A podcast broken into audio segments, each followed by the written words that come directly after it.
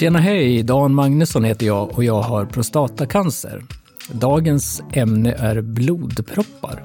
Och då kan man ju fundera, vad har blodproppar med prostatacancer att göra? Antagligen ingenting, eller så har det det. Och jag kan säga så här, för mig har det i alla fall haft betydelse. Det här får mig i alla fall en anledning till att berätta lite grann om min resa innan jag kom fram hit, där jag är idag med, med en fastställd prostatacancerdiagnos och jag har ju till och med börjat behandling. Det var så här, jag drar det så kort som det bara kan. Eh, för cirka två och ett halvt år sedan var det nu nästan, så eh, planerar vi en dubbelsidig operation, nej, operation av dubbelsidigt ljumsbråck kan man säga, som jag hade gått och haft ganska länge. Det är ju rätt så ofarligt. Men till slut så vart det, när det vart på båda sidorna, äh, vad fan, det här måste man göra något åt. Det började liksom se lite bulligt ut. Det gjordes en operation, den var väl ganska lyckad. Eh, jag vet inte hur lång tid efteråt, om det var ett år eller någonting sånt där, men hur som helst, på ena sidan, den som hade varit jobbigast, det vart ju liksom en stor bulle igen. Så jag vart omopererad där från översidan istället för ett hitthål. Så att i min högra ljumske har jag ju två nät nu då. Eh, sen förflöt det ju också en, en, tid efter det. Och vad som hände, det var ju att jag fick tarmvred. Det vill säga, det blir stopp i tarmarna och då får du inte ut någonting. Så jag var väl åtminstone tre gånger på akuten och eh, fick liksom tömma via nässlang och sådär. Eh, vad som hände då med tarmvreden, det är ju det att eh, antagligen sitter det ju tarmar som har hamnat fel. De kanske till och med har växt ihop med bindväv eller någonting sånt där och kommer konstigt. Då. Och det, är alltid, det finns ju alltid en biverkning med, med biverkningar sammankopplade med operationer, även om de är lyckade så att säga. Hur som helst, eh, med de här problemen i bagaget då, så vart det ju faktiskt en tredje operation. Och det är ju lite ganska precis ett år sedan är det väl egentligen. När överläkaren tog över och gick in med titthål och egentligen bara försökte liksom att ställa till rätta efter de två första operationerna. Alltså skära bort lite bindväv och försöka frilägga det. Eh, och det gjordes också, den tredje operationen. Och sen så tuffade det på lite under hösten och jag hade ju liksom känningar, men vi, eh, på inrådan av av läkaren så nej men det är liksom nog med operationer nu. Det kan, det kan lika gärna bli värre som bättre. Så, så fick det ju vara då. Och jag, jag tror någon gång så här i november förra året, när jag satt ganska mycket. Jag gick ju en sån här företagsutvecklarkurs och eh, jag kände då och då liksom att det pirrade i benen. Det hade jag aldrig känt förut. Man vart liksom kall och sådär. I januari i år faktiskt. Då, då fick jag ont i vaden. Alltså det kändes precis som en muskelbristning. Eh, ni som har sprungit känner till, säkert till det här med gubbvad. Det har jag haft några gånger. Alltså när man drar iväg som otränad kanske och springer och så får man sån här muskelbristning. Och då ska man vila i sex veckor, typ. Jag vet i alla fall ingen annan metod. Så det gjorde jag. Jag vilade sex veckor, trots att jag inte sprang just då i vintras. Men jag tänkte liksom att ja, jag börjar så. Och det visade sig att den inte gick över, så då tog jag kontakt med sjukvård, hälsocentralen. Eh, jag fick så småningom en tid, sjukgymnast, han sa gubbad. Jag kom tillbaka, hade fortfarande ont. Jag fick träffa en läkare. Han sa gubbvad. Jag tror att jag gjorde nog fyra besök där och det var liksom, äh, gubbvad. Det är nog inget fel på hjärta och lungor. Det var liksom grejen, trots att jag var som nu annöd och ja, och fortfarande ont i benet. Några veckor efter sista besöket så började faktiskt ena vaden att svälla så att det var skillnad mellan dem. Då ringde jag 1177. Och där sa de ju liksom att kläm inte på det, för det kan vara en propp. Ge det iväg till akuten. Så det gjorde jag. Och på akuten då ville de inte ens släppa in mig. Så nej, det där är ju ingenting. Det kan ju vara vad som helst, sa sköterskan där. Men jag tjatade till med ett besök, så ett par timmar senare fick jag träffa en familjeläkare som sa precis som alla andra. Han var den fjärde liksom, sjukvårdspersonen som sa att nej, det är inte en eh, blodpropp eller någonting. Vad är du orolig för? Tror du att cancer var? Hehe, ungefär. Typ så. Eh, och då stod jag där och så funderade jag, här står jag, jag har inga som helst råd, jag har ingen diagnos, så här kan det inte vara, jag ger mig inte. Så jag var på hälsocentralen igen. Eh, av någon anledning, jag ska inte gå in på det, så tyckte han i alla fall, okej okay då, vi tar väl och sätter upp dig så du får liksom, du får ta en tid när de har tid på ultraljud. Eh, två dagar senare, ultraljud, tog 30 sekunder att hitta, så hade jag en propp i benet. Det var ju inget mer med det. Det var ju liksom precis det jag hade känt i flera, flera månader, kanske ett halvår egentligen. Så då fick jag nog den första patient som sa ja, vad bra, som tyckte att det var så skönt. Och så fick jag gå rakt över till akuten. Där gjorde man en sån här datortomografi. Uh, inte vet jag om man gjorde det för säkerhets skull eller anledning eller vad. Men där hittar man då, det finns tre celler i lungan och jag hade propp i alla tre. Idag fick jag reda på att det var ganska rejäla proppar också. Så då vart jag ju intagen där, inskrivning. Just den dagen har jag aldrig känt mig så bra någonsin tror jag. För, för jag har ju liksom känt mig frisk hela tiden i princip. Men då fick jag ju in på det man får kalla för MAVA då, det är väl medicinsk akutvård som jag hamnade då. Och så fick jag ha sån här eh, EKG hela natten där de kollade om det fanns några reflexer på hjärta och så. Men eh, ja, jag fick åka hem dagen efter och resultatet av det här, vad man då kom, fick reda på. Det ena var ju, för de här propparna då, så skulle jag ju börja käka blodförtunnande. Eh, jag, ni har säkert hört talas om varan och sånt där, men jag vet inte om det kanske är så att inte den är tillgänglig just nu, för jag har fått något som heter Elikiss istället. Och den ska jag äta resten av livet. En tablett på morgonen och en tablett på kvällen. Viktigt att det är 12 timmar mellan och att man inte hoppar över någon. Så blodförtunnande resten av livet var ju den ena eh, ganska egentligen dramatiska förändringen. Det andra var att, eh, ja, vi kollade ju också din PSA, du har skyhöga värden. Så man kan ju säga att den här propphistorien, oavsett vad den landade i då och vad den så småningom kommer att landa i, så hittar man ju ändå ett eh, jättehögt PSA och tyckte att det fanns anledning nog att eh, skicka över mig till urologen. Någon månad senare, ja, man kan säga så här, under sommaren, vad har hänt då? Jo, efter den där datortomografin som man gjorde där, där, på akuten, där kunde man konstatera, jo, man hittar propparna, men det fanns ingenting, liksom några tumörer eller någonting sånt där.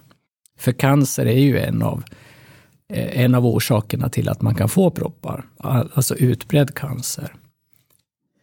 Jag fick också göra, jag var på magnetröntgen för mjukdelar och jag var på eh, skelettröntgen. Man hittade ingen spridd cancer, men däremot så hittade man ju fyra mörka fläckar i prostatan på den här magnetröntgen. Vilket man var ganska säker på, eller ja, tillsammans, att det, det är klart att det är där det sitter någonting. Och om man tog något PSA också ett par till tror jag och eh, det gick ju uppåt snarare än neråt.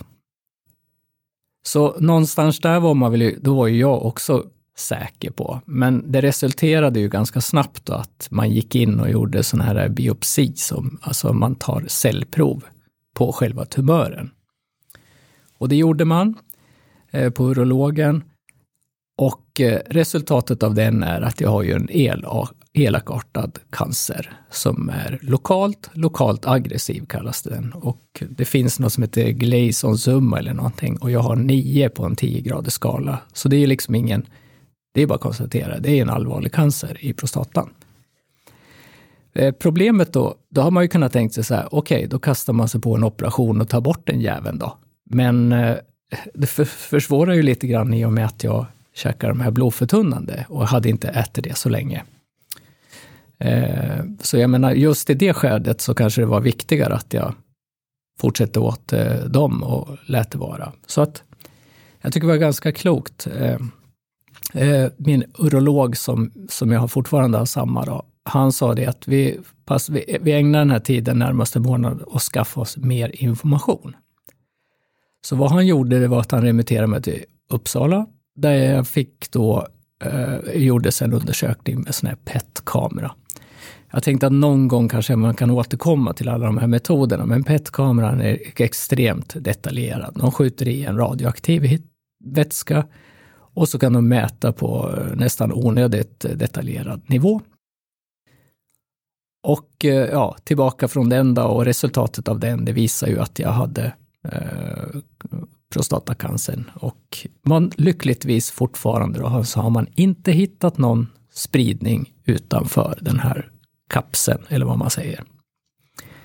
Så ja, eh, gott mod ändå, får man väl säga. Eh, sen då så börjar man ju titta då på, okej, okay, då var det dags att börja titta på behandlingsmetod. Och det har ju varit liksom snack hela tiden om eh, operation. Uh, urologen för, han förespråkar operation. Jag har pratat med någon kompis som är läkare liksom som berättar att ja, men det är ju många kollegor som har opererats för 10-20 år sedan och är liksom till och med botade då. Och jag har också träffat en tidigare arbetskollega som gjorde det här i november förra året, som har tagit bort sin prostata via operation. Eh, nu visar det sig här att efter alla mina operationer med ljumskar så kanske man behöver liksom ett utlåtande. Så att eh, mina papper, som man säger, eh, skickades med posten. det är ju modernt inom den här regionvärlden. Först till Örebro, eh, där man tyckte att eh, ja, det var nog inte så bra att operera mig. Eftersom då strålning är ett alternativ så, så rekommenderade de det. Så då började jag sätta griller i huvudet på en. Och jag vart väl, jag tror det till och med står i min journal, lite besviken över att det inte vart operation eftersom jag upplevde, trodde att det var mer ett kvitto på att det var borta så att säga. Något som jag kanske har hört men som kanske inte är vetenskapligt bevisat. Eh, så eh, han skickade också samma uppgifter till Uppsala Akademiska och de sa precis likadant. Om jag har reagerat negativt på operationer tidigare med bindväver och grejer och så, här, så kanske det är bättre att gå på strålning. Onkologen i Gävle har ju sagt att det, det var ju också en möjlighet. Och tittar man då kan man ju också säga, alltså rent behandlingsmässiga av att man har en lokalt, eh, lokal prostata, så är de här två likvärdiga. Slutresultatet. Det är vad jag har kommit fram till i alla fall efter att ha ja, googlat runt på någorlunda säkra källor kan man väl säga. Kanske kan återkomma till det någon gång också. Men jag tänker, eh, ja, det blir ju ändå liksom en omställning i huvudet på en. Att man går liksom från en tänkt operation till att, eh, ja, helt plötsligt, ja, men då kör vi igång och siktar på strålning istället. Då. Och just det kan jag ju säga här när jag sitter här idag, efter en och en halv veckas käka hormontabletter, att jag har inte en aning om någon som har blivit strålad. Jag vet ingenting om någon annan person och resultat. Och alla jag har pratat med, eller sådana som känner någon, som det brukar heta, så har det varit operation. Så vi får ju se. Hur som helst, tillbaka till de här blodpropparna igen nu då. Alltså, jag träffade ju en läkare idag på lungkliniken han heter Panagiotis.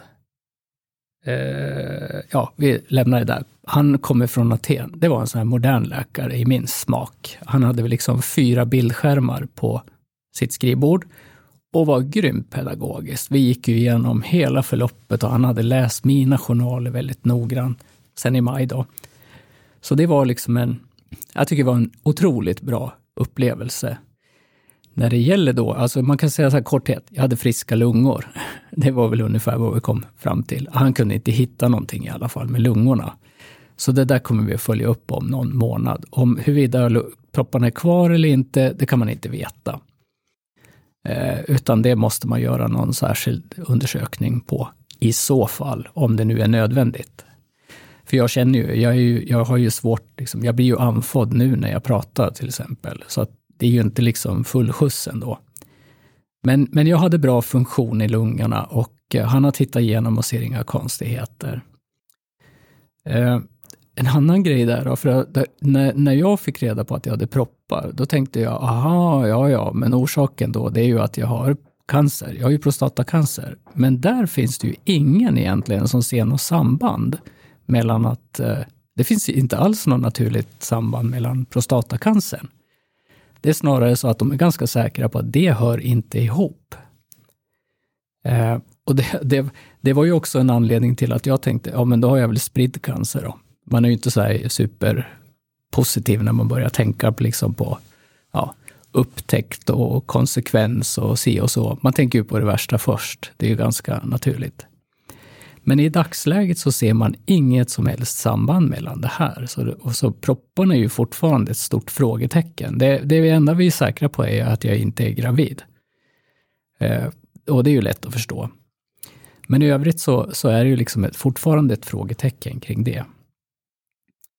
En grej till bara som jag tänker på. Alltså han hade ju mina bilder ifrån den här PET-kameran i Uppsala, den här detaljerad. Så nu äntligen har jag ju fått sett hur det ser ut med min prostata och cancern som då är den största, som är typ 9 mm eller någonting, den tumören, den, den var ju rödmarkerad. Så nu vet jag ju var den sitter.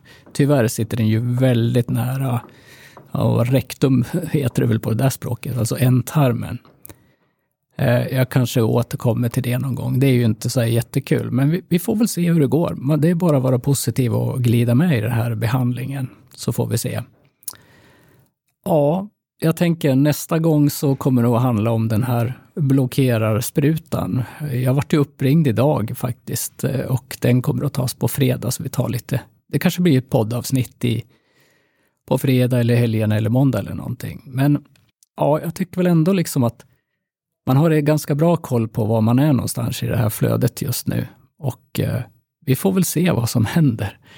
Vad, vad, hur, hur, kommer man att känna om en månad? Hur kommer man känna om en och en halv? Eh, och så återigen, jag träffade en, en, en vän, en träningskompis kan man väl säga, från Friskis och Svettis utanför ingången idag. Ja, jag berättade för honom. Jag var tvungen att göra det nästan.